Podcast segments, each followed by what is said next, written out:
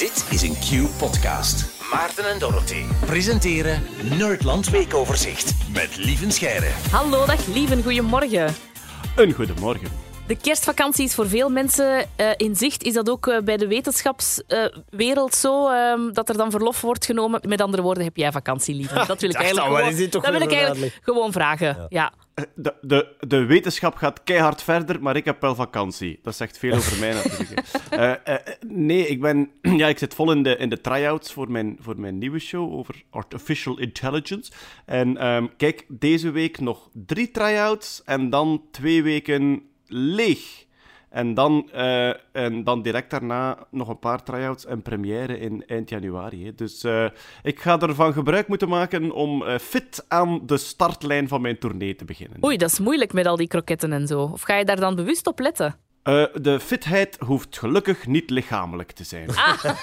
In het hoofd, mentale fitheid. Ja, ja, ja, voilà. Ja, inderdaad. Eh, we gingen het hebben over kernfusie deze week. Ja, inderdaad, kernfusie. Eh, ik denk de meeste mensen kennen kernsplitsing. Hè. Dat is de kernenergie die we nu hebben. En wat je doet bij kernsplitsing is dat je hele zware atoomkernen, zoals uranium, die ga je in stukken breken. En als die uit elkaar vallen in kleinere stukken, dan gaat er een beetje massa verloren. Dus om het, eh, om het samen te vatten, de, eh, de brokstukken wegen samen minder dan het originele atoom. Is iedereen nog mee? Ongeveer. Ja. En dat is dan waar het nucleaire afval uitkomt eigenlijk, hè? Toch? Of... Ja, ah, wel, maar dus het feit dat, de, dat het gewicht van de brokstukken samen minder is dan, dan het originele van het atoom, dat wil zeggen dat er een beetje massa verloren gegaan is. Hè? Ja. En die is veranderd in energie dankzij de prachtige formule E is mc kwadraat. Energie is massa maal lichtsterkte in het kwadraat. Nu, wat kan je ook doen in de natuurkunde in plaats van die zware atomen in stukken te breken? Hele lichte atomen doen samensmelten. Bijvoorbeeld waterstof, eh, een, heel licht atoom. Dat kan je eh, samensmelten, verschillende waterstofjes kan je samensmelten tot een heliumatoom. En dan ontstaat er ook heel veel energie. En dat, dat proces, waterstof dat je samensmelt tot helium, dat is de energiebron van onze zon.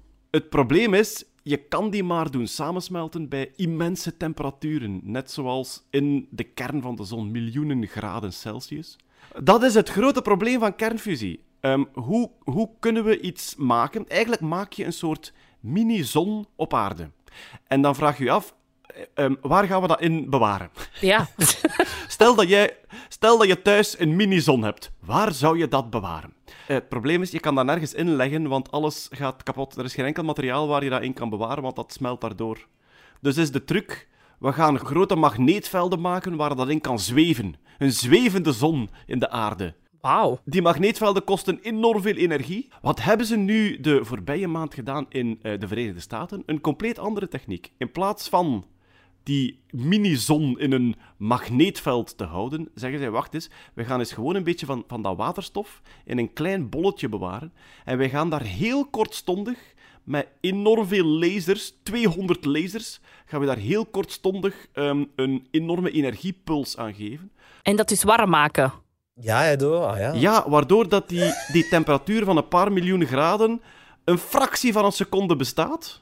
En daarna knalt dat uit elkaar, maar dat is geen probleem, want die gigantische knal, daarvan gaan wij de warmte gebruiken om energie op te wekken. Je hoort dat alles wat ik vertel, dat kost gewoon veel energie. Dus je zit met een soort vervelende situatie dat om het te doen werken, dat je enorm veel energie nodig hebt. Meer zelfs, in de experimenten tot nu toe, was er altijd meer energie nodig dan er uitkwam. Oh.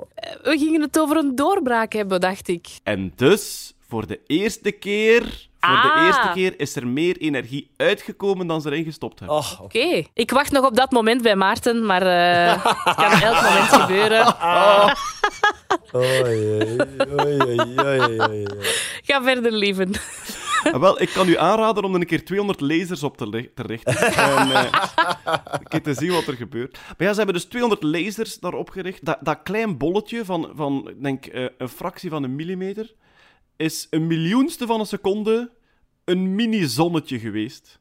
En al die energie is daar uitgestraald en dat was meer dan ze erin gestopt hebben voor de eerste keer. Cool. Ehm, daar eindigt het goede nieuws. Ah. Ehm, al die energie is eh, warmte. En om die dan om te zetten naar elektriciteit, moet je dat eerst nog omzetten naar stoom en door een turbine jagen. En daar gaat weer zoveel bij verloren dat het ook weer zou uitkomen op minder elektriek dan ze nodig hadden voor de lasers. Maar het is wel een doorbraak, het is een stap vooruit. Oké. Lieve Scherre, weer zoveel bijgeleerd deze week. En ehm, volgende week zijn wij met vakantie, maar dan kom je met het jaaroverzicht langs bij Ulrike, hè? Ja, we gaan dus terugkijken naar het voorbije jaar in de wetenschap. Eh, eh, samen met Hetty Helsmoortel ga ik dat doen. En eens kijken wat we, wat we daarvan moeten onthouden. Heel leuk. En eh, van ons een spetterend uiteinde. En eh, tot volgend jaar, lieven. Joho, tot de volgende. Yo. Dit was een podcast van Q-Music. Wil je meer? Wil je meer? Kijk op qmusic.be.